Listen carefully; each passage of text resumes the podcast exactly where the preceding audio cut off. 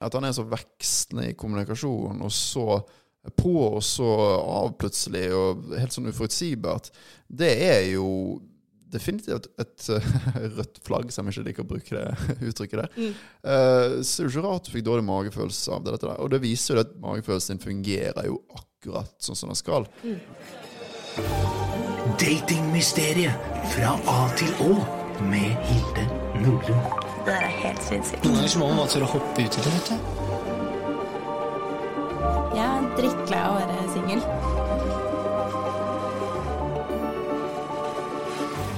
Aldri før har det vært så mange muligheter til å treffe noen gjennom utallige applikasjoner og datingsider. Men på tross av dette er det rekordmange nordmenn som er single og bor alene. Hvorfor i all verden er det sånn? I Datingmysteriet fra A til Å skal vi hver uke dykke ned i nye temaer som omhandler datinglivets opp- og nedturer, i håp om å løse dette mysteriet. I dag så har vi kommet til bokstaven M, og vi skal snakke om et par ting som i hvert fall jeg syns er veldig spennende når det kommer til dating. Som kvinne 41 så er jo dette med markedsverdi noe som engasjerer, og noe jeg for å være helt ærlig irriterer meg over. Og så er det også sånn at jeg har en veldig sterk magefølelse, men jeg er ekstremt dårlig til å lytte til den, og jeg tror ikke jeg er alene om det. Og jeg lurer derfor på om jeg kanskje egentlig burde begynne å lytte til den litt oftere. Jeg heter Hilde Nordlund og er programleder i denne podkasten. Og i dag så har jeg igjen fått besøk av datingforsker og psykolog Marius Stavang. Velkommen hit. Tusen takk. Du Som singel kvinne på 41 år, så er jo jeg naturligvis veldig opptatt av det her med markedsverdi, og fulgte jo den diskusjonen da den gikk i media for et par eh, år siden. Fordi Eh, to av dine da, psykologkollegaer, Frode Tuen og Peder Kjøs, de sa i et innlegg at kvinner over 40 mister markedsverdi og må derfor senke kravene sine på datingmarkedet.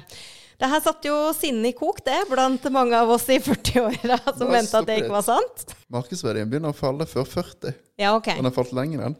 Ikke bare for deg, men for meg òg. Ja. ja, ok. Så det er ikke et kvinnefenomen, dette her? Nei, herregud. Nei. Dette her er et alle-fenomen. Ja, fordi i den diskusjonen så kunne man jo kanskje få det til å høres ut som da, at det var kvinners markedsverdi som faller. Eh, og det er jo ikke så rart heller, fordi menn eh, vil jo veldig ofte ha yngre damer. Det kan jo være litt provoserende for oss voksne kvinner, det. Vel, ja, altså, det er provoserende. Uh, kvinners markedsverdi faller, men menns markedsverdi faller ikke så mye, for han bare er lav hele tiden. det, beg altså, det begrenser for hvor mye den kan falle. mm. Men hvis vi da skal eh, ta tak i denne diskusjonen da, som dukket opp for et par år siden, så, så er det rett og slett uh, sånn da at uh, markedsverdien til kvinner den uh, daler etter fylte Er det 25-30? Når begynner det å, å gå nedover?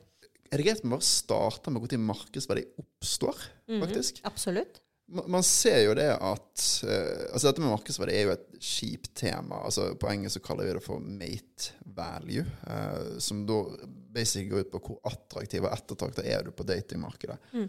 Og det ser man at mennesker begynner å skille på altså Faktisk til og med allerede fra spedbarnsalderen er det noe som mener. altså at Spedbarn eh, prioriterer attraktive ansikter over mindre attraktive ansikter. At det er en slags sånn selektiv diskriminering i retning av attraktivitet. Og så blir jo dette bare mer og mer tydelig eh, når uh, man kommer opp i tenårene. Da er jo det, uh, skiller jo barn og ungdom tydelig mellom hvem de mener er mest, mer attraktive og mer datebare enn en andre. Og dette gjelder både for eh, menn og kvinner, for gutter, mm. uh, gutter og jenter. Noen jenter, altså jenter vurderer eh, en mindre gruppe gutter som attraktive, mange gutter som ikke er særlig attraktive, og gutter diskriminerer jenter på samme måte til, tilbake. Eh, nå er det sånn at kvinners markedsverdi Kvinner har vesentlig høyere markedsverdi enn menn i, tidlig i livet. altså altså Hvis du ser på datingapper for, for unge kvinner, det er helt ekstremt hvilken interesse mange av uh, de mottar. Jeg har en uh, venninne i, uh, i 20-årene. Hun eh, hadde kjørt en sånn boost på, på Tinder en gang. Eh, det var jo en sånn 20 minutter eller noe sånt. Eh, kjørt en boost til Oslo. Og da hadde hun på 20 minutter mer enn 10 000 interessenter. Jeg kan si jeg går med Tinder i i et liv uten å få så mange interessenter. Så kvinners markedsverdi er typisk veldig mye høyere enn menns eh, tidlig i livet. På, når vi snakker på gruppe, da. Um, så er jo det sånn det at menn typisk prioriterer utseende mer enn hva kvinner gjør. Nå er, det, nå er det en diskusjon rundt det. altså Noen studier finner ut at kvinner prioriterer utseende like mye som menn. Hvis vi holder oss til de funnene der nå, så eh, er jo det slik det at hvis kvinners markedsverdi er betinget på utseende, så vil jo markedsverdien nå begynne å falle når utseendet eh, ja, begynner å um, gå nedover, da, som det gjør for oss alle. Eh, og her viser jo eh, altså Noen studier Spørs hvor deprimerende vi skal se på dette. Jeg tror noen studier viser at de menn, altså kvinner, de kvinner som menn opplever som mest aktive, er de som er på rundt 20 år gammel. Så man kan snakke om at markedsverdien begynner å falle allerede fra 20-årene.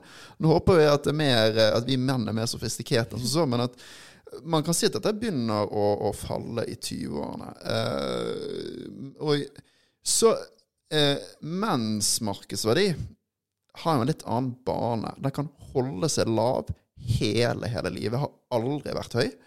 Og den kan holde seg lav, og så gå opp, og så gå ned. Eller den kan holde seg lav, gå opp, og så ikke gå ned. Hvis en mann f.eks. blir veldig vellykka eller suksessfull, så kan jo de eh, være attraktive gjennom hele livet. Du kan være, og du har, den kan holde seg høy hele livet. Eh, så menns markedsverdi følger har en mer dynamisk bane da, enn hva kvinners har. da. Men uh, er det bare det at man liksom uh, blir eldre og får rynker og ikke liksom er like attraktiv lenger, som gjør at markedsverdien til kvinner synker, da? Det var, jo, det, det var jo i denne diskusjonen snakk om Det var vel kvinner 40 pluss de snakket om, da. Ja, ja, altså um, Ja, altså man Livet er jo på en måte et litt sånn kappløp mot at vi vi blir jo mindre fysisk attraktive, samtidig som vi utvikler oss personlighetsmessig og gjerne blir bedre på den måten. Men eh, når det kommer til dating, så handler jo det ofte om eh, primitive instinkter. Og eh, i bunn og grunn, vi skal ta det til det mest, til det mest grunnleggende ved dating, så handler jo det om reproduksjon.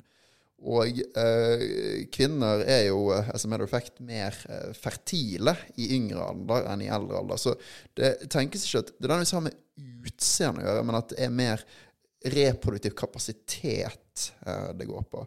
Og kvinners reproduktive kapasitet den eh, følger jo på en måte den markedsverdibanen. Så det, det er ikke Det er mer det man tenker er grunnen til det, heller enn at en utseende faller, da, per se. Men at menn bruker det utseendet som en proxy for eh, å vurdere hennes uh, reproduktive kapasitet. da. Men dette gjelder jo også da blant menn som ikke skal ha flere barn, eller ikke sant? Det er ikke bare de som er ute etter å treffe en partner som de kan få barn med. Absolutt. sant? Og det, det er jo et paradoks, for at mange menn er jo ikke interessert i barn i det hele tatt. Og da likevel skal de ha en kvinne som er fruktbar. Eh, Dette er jo ikke styrt av eh, våre bevisste kognitive fakulteter. Det, det er jo styrt av eh, de reproduktive systemene i oss. Så eh, man kan ikke Menn kan nok ikke bestemme seg for å ikke være interessert i eh, kvinner i 20-årene. Nei. Eh, selv om de mye de sier til selv at de ikke vil ha barn. Så, Men- ja. Er det ikke noe som er litt sånn ekkelt, da, med at menn Jo, jo, liksom både i er 40-, Vi er noen 50- og 60-årene helst vil ha kvinner i 20-åra, liksom? Jeg gruer meg så jævlig til, jeg, jeg eh, er 60 og blir tiltrukket av eh, kvinner på eh, begynnelsen av 20-årene. Det- Jo, for det er jo liksom Det som er litt rart, da, og kanskje som liksom gjorde at dette satte sinnet litt i kok når denne diskusjonen dukket opp, det var jo, ikke sant eh, Man tar jo inn man tar jo vekk liksom alle andre ting. Som du sier, personligheten vår blir bedre og utvikler seg, mens utseendet liksom faller med åra. Eh, man vi damer som er liksom passert 40, tenk, ser jo kanskje på en 20-åring som noen som ikke har noe særlig livserfaring, seksuell erfaring, kunnskap og kompetanse på mye av det livet har å by på. Vil ikke liksom menn også ha noe mer enn en spretten snelle, liksom? Og lang pause nå. Jo, altså, man vil jo uh, Menn og jeg og uh, mann Man vil jo, vil jo det. Så det er jo et eh, mysterium, på en måte, da, hvordan uh, liksom Kvinners popularitet er så knytta til dette her med, med utseende. utseende da. Så Men det går jo kanskje tilbake på datingkulturen, som er, i dag er jo hypervisuell og vel ekstremt overfladisk. Og de trekkene blir òg eh, forsterka, da. Eh, noe veldig. Men eh, du, du kan jo òg Hvis du Jeg, jeg er jo eh, Ser jo på de mørke sidene ved datingmarkedet, og em, Du kan jo kanskje se på det som at hvis menn har valget til å date en ung kvinne som har utseende og ikke livserfaring og personlighet, versus en som ja, er eldre og har mer personlighet, så går han for, for noen yngre. Hvis vi tenker på hvilken mann i verden har best drag Leonardo DiCaprio. Ja. Han kan velge hvem han vil. Han går jo for den, de som har utseende utseende, kanskje ikke så mye personlighet. Um, så det kan jo være at uh, det er i menn at når man kan velge hvem man vil, at man, man går da for, uh, for utseende over andre ting. Ja, men så er jo det eksempel på det motsatte. George Clooney. Han er jo et uh, forplikta forhold med Og jeg tror hun er over 40. Tror hun er uh, mellom 40 og 50. Så ja, det er håp for, for alle der ute. Fuck Peder Kjøs og. Nei, unnskyld, dere kollegene mine. Beklager. Se på hun som tok George Clooney. Men er det kanskje For jeg tenker jo Hvis man kan velge, vil man helst date hun på 20, da. Men hvis du er 40-50, blir det ikke liksom litt kjedelig i lengden? Snakker vi her om liksom korttidsaspekt versus langtidsforhold? Eller vil man en mann 50 pluss allikevel ha hun på 20 for the rest of his life? Liksom? Altså, svaret på det er jo definitivt eh, det to alt. Altså, svaret på dette definitivt er jo at fullt av menn vil jo ha et ordentlig langtidsforhold med, med dyp kontakt. Eh, det, det, det ser jo det ut. Altså, menn som har mulighet til å få en eh, kanskje mer yngre kvinne med mer spretten rumpe, de vil være med sin partner. Eh, så så det svaret på det er jo definitivt at vi går for dype trekk. Men samtidig så er jo det noe med at det er vanskelig og så børste det andre helt under stolen. At det, vi blir ofte jævlig primitive når det kommer til dating. Det virker utrolig sånn her instinktdrevne òg. Vi, blir jo det- det, vi gjør jo så mye greier for å være sammen med folk vi ikke passer med i det hele tatt. og det kan være en nydelig, flott person med en fantastisk personlighet som er så grei og er klar til å møte alle våre behov. Og skal vi være sammen med den eh, dramapersonen som skaper det Ja. Eh, infernoet av, eh, for oss. Eh, det, vi blir utrolig primitive òg på dating. Så det er Men ikke sant, alder får vi ikke gjort noe med, da vi blir nå uansett eh, eldre. Men er det noe da vi eh, kvinner på min alder og eldre kan gjøre da for å ha noen fordeler når det kommer på datingmarkedet, og, og, og fortsatt da bli valgt? Hvis du sier nei nå, så blir jeg veldig skuffa. Var det også lang pause. Du må ja, klippe det. ned denne pausen òg. Jo da, eh, selvfølgelig, eh, selvfølgelig er det eh, Selvfølgelig er det det.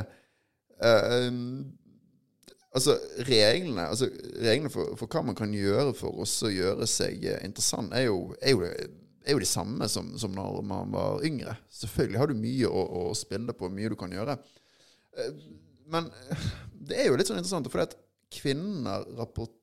Man, man ser jo, Det kan virke som at Eh, ja, du har noe som kalles for mate value control. Eller markedsverdikontroll, som vi skal oversette til norsk, som da er, handler om hvilken kontroll opplever du du har over din attraksjon eller markedsverdi. Og der virker det som at kvinner rapporterer at de har opplever lavere kontroll enn hva menn har. Menn opplever at det er mer de kan gjøre for å gjøre seg selv attraktive, enn hva kvinner opplever at eh, de har. Ja. Uh, så jeg tror definitivt at um, det er selvfølgelig masse du, du, du kan gjøre. Sånn som menn og kvinner kan, kan gjøre. Uh, men kanskje, det er jo kanskje noe med at kvinner òg faktisk ikke uh, Hvordan skal jeg prøve å si dette her, da? Eh, at eh, Altså, en kjip ting er jo det at eh, mange kvinner opplever det at de ikke de har så mye kontroll over hva de kan gjøre, ser det ut som hvis vi ser på forskningen. Mm. Men det er også litt av greia at eh, vi vil fortsatt ha han kjekkasen på vår egen alder. Eh, for det er jo, som vi har snakket om når du har vært i podkasten her tidligere, eh, en liten gruppe menn som er de som blir valgt. Eh, så de som blir valgt, eh, de vil også vi eh, på, eh, ha på vår egen alder. Men han, han kan da også eh, Vil helst ha en kvinne som er i 20-årene, og kan også få henne. Mm. Mm. Ja, da kan det være at, uh, at du stiller litt dårlig. Mm. Det, det kan, jo, kan jo rett og slett være. Altså, Ja. Jevnt over så har jo, for vi skal stikke fingeren i jorden her, så har jo en kvinne i 20-årene høyere markedsverdi enn en kvinne i 40-årene. Mm. Sånn er jo det, dessverre. Og eh, sånn er, sånn er jo det for menn òg, gjerne. Altså, en, en mann i 20-årene, kanskje i slutten av 20-årene, 30, begynnelsen av 30-årene, er jo mer attraktiv typisk enn en mann i 40-50-årene. Så det går jo ikke Nei, ikke? Det kommer jo veldig an på. Det er jo Hvis man vil ha en ordentlig mann, så er jo gjerne menn i 40-50-årene eh, mye mer attraktive enn en guttunge i starten av 20-åra. Ja, ja, ja, ikke sant. Ikke sant. Som for en dame på 40, ja, syns ja, jeg, da. Ja, ja, men hvis vi tenker da på Hvis han på 40 er interessert i, i henne på 25, og han, øh, han på 28 er interessert i henne på 25, Ja. så stiller jeg gjerne han på 28 bedre enn han på 40. Hvis ikke han med 40 har veldig mye penger. Ja, det, det Veldig mye, mye penger og kul, eh, kul sportsbil og alt som er. Jo, jo. Ja, ikke sant. Så menn kan jo ja. Mm. Men altså, dette, dette treffer jo både Poenget mitt er at aller markedsverdi det treffer menn og kvinner, men det treffer gjerne kvinner uh, harde. Og det, det er mer altså, Sånn som du egentlig er inne på her. Altså, jeg sier at en mann på 40 kanskje stiller dårligere enn en på uh, 28, og så sier du nei. Sånn er det ikke nødvendigvis. Det, uh, så det sier jo det at for menn er det kanskje at det er mer flytende, men for, for kvinner så er det nok mer sånn, ja. Dessverre. Mm.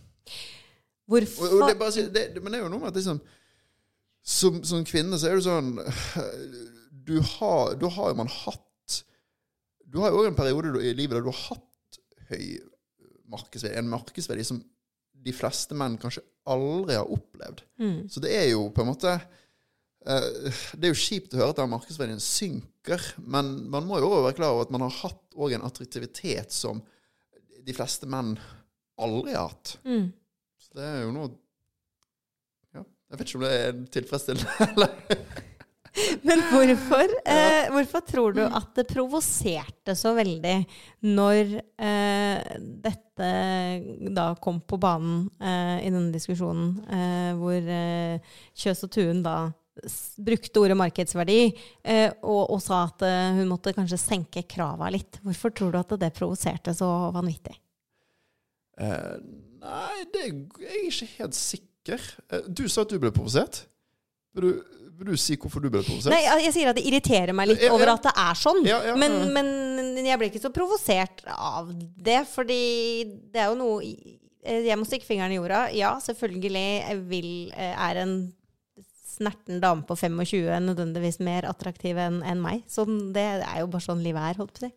Hvis man går etter en eh, person Altså hvis man går etter personer da, som er utenfor ens liga eh, altså Enten man er mann eller kvinne, og man på en måte spør Hvis man spør om råd knyttet til hvorfor man ennå er singel, så eh, er jo litt rart hvis man blir veldig provosert av å høre det at eh, du må senke kravene på visse måter. Så jeg, jeg, er ikke, jeg, jeg er ikke sikker på hvorfor det er jo noe altså, Selvfølgelig det er jo noe provoserende å høre det. Det kan jo ha å gjøre med det at um, Altså, hvis du har uh, kvinner og menn på 40, så vil Så, så er jo de altså, to like flotte mennesker, på en måte. Så det å høre det Og det, det, det er jo en gjensidighet der, sikkert. Altså, kanskje man har samme utdanning, som- kanskje man har samme interesse. Kanskje man er, man er lik, liksom. Så det å få høre det at han er mer attraktiv enn deg, og du må senke kravene dine Han kan få mer enn hva du kan, selv om dere er like. Så er jo det ikke bare noe provoserende, men det er jo noe dypt sårende å, å høre òg, da. Så ja. Og så kan man ikke gjøre noe med det. Nei, så kan man ikke gjøre noe, gjøre noe, noe med det. Eh, men altså, én ting er jo uh, uh, Ikke for å provosere mer men det er jo noe Vi har jo snakket om denne episoden om romantisk bredageri. Og eh, på, altså dette her vi så med, de, kvinner som dater personer over deres eget liga, så handler jo det òg om romantisk bredageri. Ved at han gir henne inntrykk av at hun kan eh, få, eh, få han som en langtidspartner. Mm. Um, når, når jeg ikke kan det. Men, og, man, og, og da er jo det igjen dette her med at kvinner må prøve å lese det på denne måten, som vi har snakket om at det er sykt vanskelig å lese. Men når man har sett det at kvinner blir mindre skeptiske til menns forpliktelsesvilje når de kommer i 40-årene. Ok. Ja. Eh, kvinner som er yngre, er mer skeptiske til om menn ønsker å forplikte seg. Mm.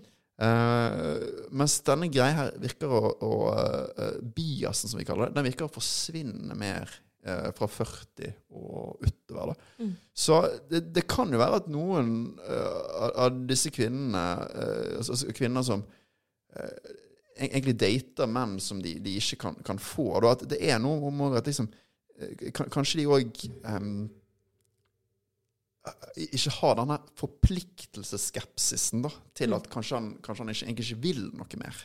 Men jeg kan forstå at den skepsisen forsvinner. Og jeg kan eh, også si fra mitt ståsted hvorfor jeg tror den gjør det. Eh, fordi eh, når jeg dater en mann i 40-årene, som kanskje har eh, barn eh, som man tar vare på, som har en god jobb, en god utdannelse, eh, og på en måte virker som et oppegående og normalt fornuftig menneske, så forventer jeg at dette er en ærlig, redelig person som forteller meg hva det er han er ute etter eh, på datingmarkedet. Som eh, faktisk ønsker en forpliktelse fordi man har hatt et langt forhold tidligere, så man vet hva det faktisk vil si å være i et forhold. Eh, og, og på en måte at det er normal folkeskikk fra et voksent, oppegående menneske å være ærlig og si hva man ønsker av den andre personen på datingmarkedet. Så der tror jeg at eh, litt av grunnen for, til denne skepsisen vår forsvinner. da, Fordi jeg forventer faktisk ikke at en mann i 40-åra vil leke med følelsene mine, men jeg ble ikke veldig overraska da jeg var eh, 24 og student, eh, og han eh, andre studenten ville leke og ha det litt gøy, liksom. Jeg skjønner hva du mener. Uh, dette er kanskje feil, uh, feil måte å si det på, men det kan du nok ikke forvente. At han, skal, at han skal ha den folkeskikken. Dessverre. Nei, det har jeg lært, Marius. Ja, ja. Nei, men, og det handler jo om at uavhengig av uh, menn, om menn er 40, 50, 60 eller 70, så er, eksisterer denne interessekonflikten mellom menn og kvinner. Denne, det man kaller for den seksuelle konflikten, som går ut på det at det er en ubalanse i den forstand at han ønsker seksuell variasjon, han ønsker å ha uforplikta sex, han ønsker å ha flere seksualpartnere, mens hun ikke ønsker det i samme grad. Og eh, som med, alle menn, uavhengig av alder, har dette problemet. Og når ikke det problemet der slutter å eksistere, det er der om du er 20, 30, 40, 50, 60, uansett, så da benytter menn de samme strategiene. Ding, ding, ding. Alle varsellamper bør lyse her nå. Så det som kanskje kan være lurt da, for eh, oss eh, kvinner, er jo kanskje når vi møter en ny fyr, å følge det neste vi skal snakke om i denne episoden, nemlig magefølelsen eh, vår. Um, og ja, kan vi først liksom begynne å snakke litt om hva egentlig den der magefølelsen som man får beskjed om å lytte til, er? Ja, vi kan, eh, vi kan prøve. Og altså, magefølelse vil vel kanskje på fagspråket mer ses på som intuisjonen vår. da. Og uh, i forbindelse med dating så bruker vi intuisjonen vår hele, hele tiden, og magefølelsen vår. Altså om vi liker en person, så er jo ikke det noe vi har tenkt oss fram til. Vi bare kjenner det, vi bare føler det. Hvis det er en person vi ikke er så interessert i, så er det bare mer at vi føler det, eller vi bare egentlig ikke føler det. Vi bare får ikke noe magefølelse. Vi, bare, vi får ikke noe følelse for den personen. Og hvis noe er ordentlig galt, hvis man kanskje merker det at den personen er ikke sånn vedkommende ikke gitt seg ut for å være, så får vi jo en litt mer sånn dårlig eh, magefølelse. Og eh, ja, magefølelsen styrer nok eh, ekstremt mye av eh, hvordan vi navigerer datingmarkedet. Altså Ofte så blir jo kanskje kvinner særlig noen ganger bedt om at bruke magefølelsen mindre. F.eks. det å si til kvinner at du må endre kravene dine, du må senke kravene dine osv. Så, videre. så er jo det eh, å si det at du må bruke intuisjonen din om hva du er tiltrukket av, mindre, og så skru på mer det kognitive systemet og prøve å liksom mentalt bestemme deg for å gå etter andre trekk. Jeg er litt usikker på i hvilken grad det funker. Uh, men ja, altså magefølelse, det er uh, Ja. eh, det er mye, og vi bruker det mye, og det kan eh, Ja, vi kan få forskjellige beskjeder om det.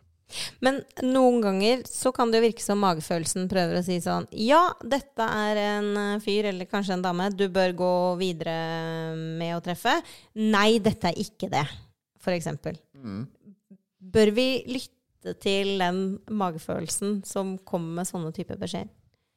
Absolutt. Det, det, det tror jeg vi bør, eh, bør gjøre. Altså, eh, dette går jo på det følelseskompasset vi, eh, vi har i oss. Altså, når du eh, møter et menneske, enten for date eller uansett hva det er for noe, så er det eh, milliardvis av enheter informasjon eh, hjernen din tar inn. Og de må du kunne sortere på en eller annen måte. Og det gjør vi med følelsene våre, eller magefølelsene, på om noe kjennes riktig eller galt ut, eller sånn midt imellom. Så magefølelsen skal vi definitivt bruke, og den beskytter oss nok definitivt fra å eh, involvere oss med personer som ikke er rett for oss i det i hele tatt. Selv om den kan definitivt bomme og ta oss i retning av folk som ikke er så bra for oss heller. Det å tiltrekkes av kjipe ting, det er jo definitivt en greie. Um, Du har et fenomen som kalles for dark triad, som er en sånn, en sånn cluster da, av narsissisme, makiavellisme og psykopati. Og man, men man har sett det at menn som scorer høyere på denne mørke triaden, de nevnt, brukte visst det begrepet i den White Lotus-serien, de eh, evaluerer kvinner som mer attraktive. Så det er jo ikke så veldig heldig, heldig magefølelse. det, det, er helt, eh, det er helt sant. Um, jeg har eh, innsett at min magefølelse er ganske sterk. Jeg er bare veldig god til å ignorere den. Eh, Blant annet så møtte jeg en fyr i fjor vinter, og allerede før vi møttes, så hadde jeg på en måte en magefølelse om at dette her var en fyr som ikke var ute etter et seriøst forhold, selv om han sa det. Eh, han var relativt nysingel, han hadde bare vært på Tinder et par-tre uker. Og så var det noe med liksom hvordan kommunikasjonen vår, som hadde vært litt sånn eh, bombarderende eh, først, eh, endra seg fra å være så på til nesten ingenting eh, etter en helg for han ute på byen, før vi i det hele tatt hadde møttes. Um, og så eh, kom jeg over en tekstmelding som jeg sendte til en venninne før vi gikk på date. Og så leste jeg den meldingen etter at eh, denne relasjonen var over. Og så tenkte jeg bare sånn Men herregud. Jeg så det jo før jeg gikk på den første daten. Så jeg bare lese den tekstmeldingen, fordi ja. den eh, er veldig sånn to the point. Så kan se hva om du tenker at jeg egentlig burde lytte til meg selv her. På mandag matcha jeg med en fyr. Tobarnsfar, relativt nyskilt. Ett år siden de bodde sammen til i sommer. Han logga seg på Tinder i desember. Allerede to røde flagg. Nyskilt og ny på Tinder. Dette har vi ledd av og røyka ut, ettersom jeg har sagt i samtalen at jeg lovet venninnene mine å ikke date nyskilte menn på 40 pluss i 2023. Uansett, vi har hatt en helt sjuk chattekjemi. Vi snakka typ fire timer hver dag til langt på natt, mandag til fredag. Så fikk han barnefri og var ute på byen fredag, og etter det endret alt seg. Før han dro ut fredag, så skrev han til og med 'Hvis du ikke har skjønt det, så liker jeg deg litt'. Altså, jeg presiserer, vi har ennå ikke møttes, altså, så vi liker de personene vi har skrevet med. Men han er kul, smart fyr med doktorgrad og masse humor. Nå er det derimot veldig lite dialog. Vi skriver på Messenger, til tross for at han stort sett er pålogget. Men jeg kjenner jo nå at når det kun skulle en frihelg og bytur til for at jeg ikke er så spennende lenger, så mister jeg jo lysten på den daten. Jeg gidder jo ikke å kaste bort tida mi. Jeg er ikke ute etter en sånn flyktig, nysingel type som mister interessen så fort. Hva hadde du gjort når det er så tydelig endring i kommunikasjonen? Jeg tenker jo at han har funnet noen han syns er mer spennende, enten på byen eller Tinder i løpet av helgen. Det er ikke rart du fikk dårlig magefølelse av det der. Nei, nei. Nei. Um, jeg tenker ikke at eh, at et rødt flagg Jeg, jeg tenker ikke du trenger en dårlig magefølelse av at han er nyskilt og at han er på Tinder. Det tror jeg er helt, helt uh, normalt. Ja, ja. Det, så, men det i kommunikasjon, at, det, at han er så vekslende i kommunikasjon, og så på og så av plutselig, og helt sånn uforutsigbart, det er jo definitivt et, et rødt flagg, som jeg ikke liker å bruke det uttrykket der. Eh, så er jo ikke rart du fikk dårlig magefølelse av det. Dette der. Og det viser jo at magefølelsen din fungerer jo akkurat sånn som den skal. Noe av det viktigste vi ser etter en partner, er jo pålitelighet. Mm. en person vi kan stole på. Um, og pålitelighet er jo ekstremt viktig i den tidlige fasen. Eh, hvis noen trekker seg unna og blir borte, så er jo det eh, så er jo det sånn suspekt, rett og slett. Så eh, fravær av uh, pålitelighet eh, Superbra at, du, at magefølelsen din rumler av Men, men jeg lytter ikke til den. Eh, Nei, ja Hvorfor gjør du det, da, Nei, tror du? ikke sant? Hvorfor lytter vi ikke til magefølelsen vår når den uh, sier sånne ting, eh, tror du, eh, som forsker på dette med dating? Deflektet et ganske tydelig spørsmålet mitt det. Nei, nei, altså, vi har jo selvfølgelig interesse eh, i konflikter gående. Det kan jo være at- du tenkte at han var jo en veldig kul fyr, han her. Kanskje han var en attraktiv, kjekk, kjekk mann. Og det høres ut som at det var noe i kontakten mellom dere òg. Altså, det var jo en kjemi til stede mellom dere der, så det er jo ikke rart at du ville da det et forsøk, da. Mm. Det er jo helt, helt naturlig, det. Mm. det. Det er jo vanskelig når du har begynt å involvere deg i noe, og liksom bare trekke seg helt ut uten å sett hva det er, hva det blir, hva det er for noe. Men eh, er det liksom sånn at vi er flinke til å ignorere magefølelsen fordi håpet på en måte er sterkere? At man så gjerne ønsker at denne fyren eller hun dama skal være den personen som vi har fått inntrykk av at de er. Så vi vil liksom ikke, vi vil ikke bli forstyrra av denne magefølelsen som sier 'run'. Ja, ja, ikke sant. Jeg tror definitivt det har med håp å gjøre. Men jeg tror det har å gjøre med prioritering også, da. Altså, mitt inntrykk er jo det at dette her med magefølelsekonflikt oppstår i forbindelse med at eh, hvis det er høyt seksuelt begjær sammen med eh, lav tillit og kanskje lav vennlighet. Hvis man er interessert i en person som man opplever som veldig tiltrekkende, og som, eh, men som ikke er helt å stole på, som kanskje ikke virker å være så veldig grei mot en. Eh, da har, virker det for meg som at folk ofte har en tydelig magefølelse på at dette her er ikke en bra relasjon, men de fortsetter å være i det likevel. Og um, har det med håp å gjøre. Jeg tror jo begjær og tiltrekning er i seg selv en ekstremt stor drivkraft som vi er villig til å så uh, uh, følge. Eh, selv om eh, det også koster oss eh, mye. da. Og kanskje vi er sammen med en person som er upålitelig og ikke møter våre psykologiske behov. Så jeg tror det handler om håp, men jeg tror også at det handler også om at det, det er visse andre ting som skrus på som vi òg er villige til å prioritere. da. For eksempel så dette her med tiltrekning, interessebegjær osv. videre. Eh, min magefølelse er også sånn at den reagerer veldig fysisk. Altså, ofte så eh, reagerer den så sterkt at jeg blir superurolig. Og i verste fall, eh, hvis jeg blir ordentlig eh, urolig, så kan jeg begynne å kaste opp, f.eks. det er en veldig sterk kroppslig reaksjon. Men er det liksom vanlig at magefølelsen skriker så liksom tydelig? Det er definitivt vanlig at magefølelsen skriker eh, kjempetydelig. Hvis vi definerer magefølelse som eh, Hvis vi stryker mage og bare sier følelse, Ja. så er jo det veldig vanlig at følelsene skriker ekstremt eh, intenst. Eh, kaste opp, det kan òg eh, skje, da. Eh, men snakker du nå om magefølelse i datingsituasjonen? Absolutt. Ja, ja. så jeg blir usikker på den jeg Ja. dater, ja. Mm. Vil du si litt mer om når det, når det når sånt kan oppstå?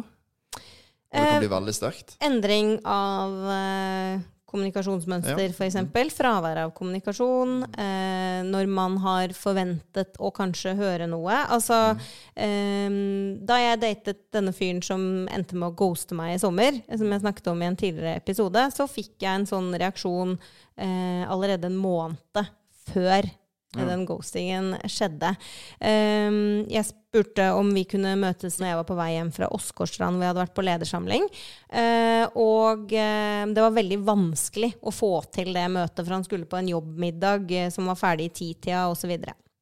Og så reagerte jeg på at det, det kom liksom ikke en eneste snap fra denne jobbmiddagen. Uh, eh, ikke hørte jeg noen ting hele kvelden. Det var liksom bare fullstendig stille. Og det er jo litt rart når man på en måte dater noen som man på en måte tilsynelatende veldig gjerne vil treffe og er interessert i, men det var veldig vanskelig å få det til. Eh, og at man da ikke liksom holder litt kontakt når man er ute på noe. Og så snappa jeg halv elleve-tiden på kvelden, da var jeg akkurat kommet hjem, og den åpna han ikke eh, før klokka to om natta. Og da skrev han sånn 'sove godt og hjerte', liksom. Ikke noe mer. Ingenting om hvordan han hadde hatt det. Ingenting. Hele den kvelden så hadde jeg en sånn skikkelig vond magefølelse, som jeg ikke forsto hvorfor jeg hadde da. Fordi i mine øyne så var det ingen grunn til at jeg skulle ha en mistillit til han. Han hadde vært veldig tydelig på hvor interessert han var, og hva slags fremtidsutsikter han så i vårt forhold, osv., osv. Ja. Men nå i ettertid så vet jeg jo at han også løy om en annen ting i det tidsrommet. Og da er, blir jeg jo litt sånn fascinert da, av at den magefølelsen var så sterk den gangen, selv om jeg ikke forsto det da.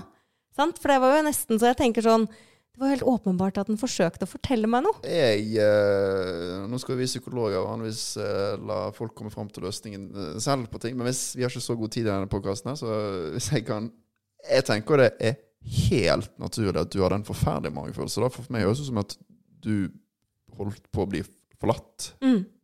Altså, det, det her er en fyr som trekker seg unna. Eh, og selv om han har sagt kanskje at han er interessert i hva enn, så alt han kommuniserer, er jo Nå forlater jeg det, høres det ut som. Mm. Og det er jo ikke rart at du fikk en helt forferdelig magefølelse. Det er jo eh, det er traumatisk å bli utsatt for. Og det kan jo være personer vi bare har data i superkort tid. Tilknytningssystemer kan liksom skru seg på, på ja, så raskt som du tegner en lighter. Mm. Han er helt magisk.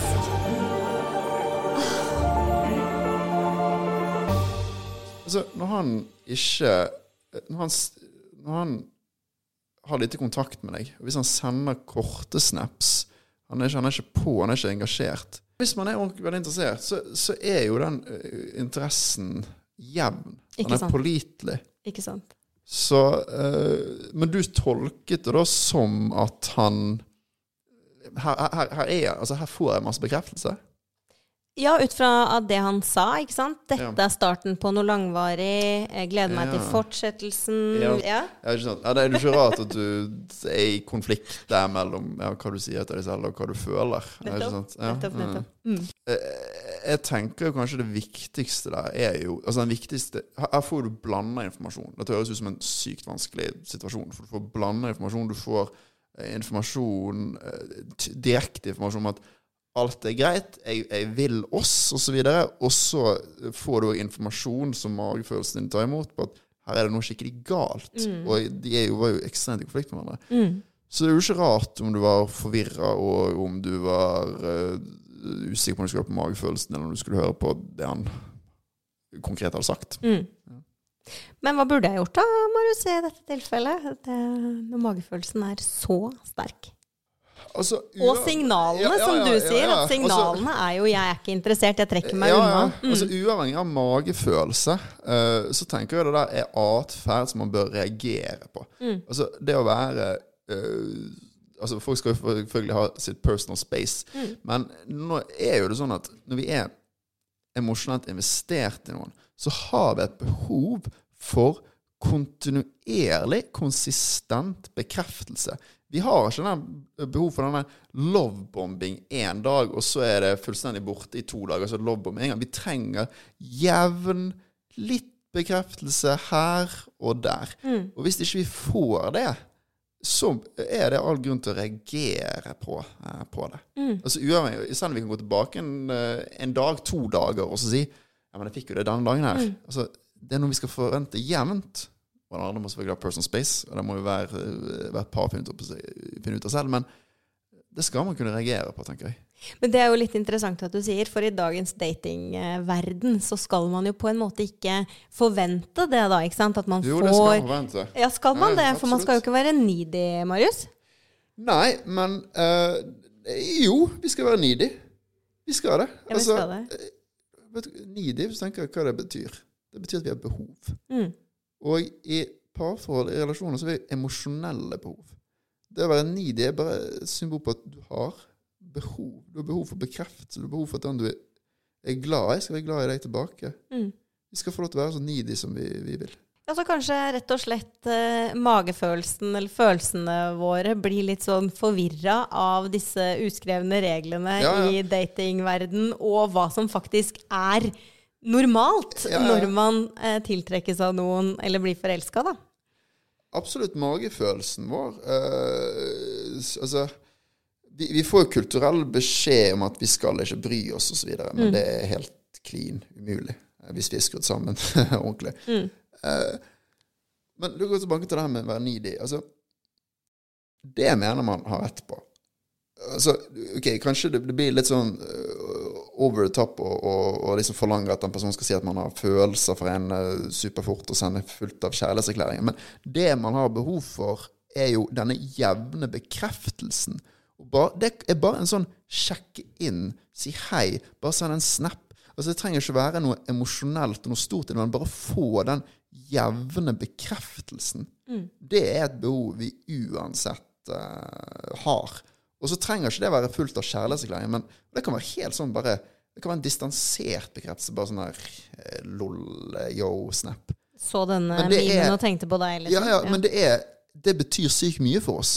Det, er, det, er et bekreftelsessignal. Og det, det, det, det trenger vi, og det er jo Ja, det er noe vi kan forvente å få, eh, tenker jeg da.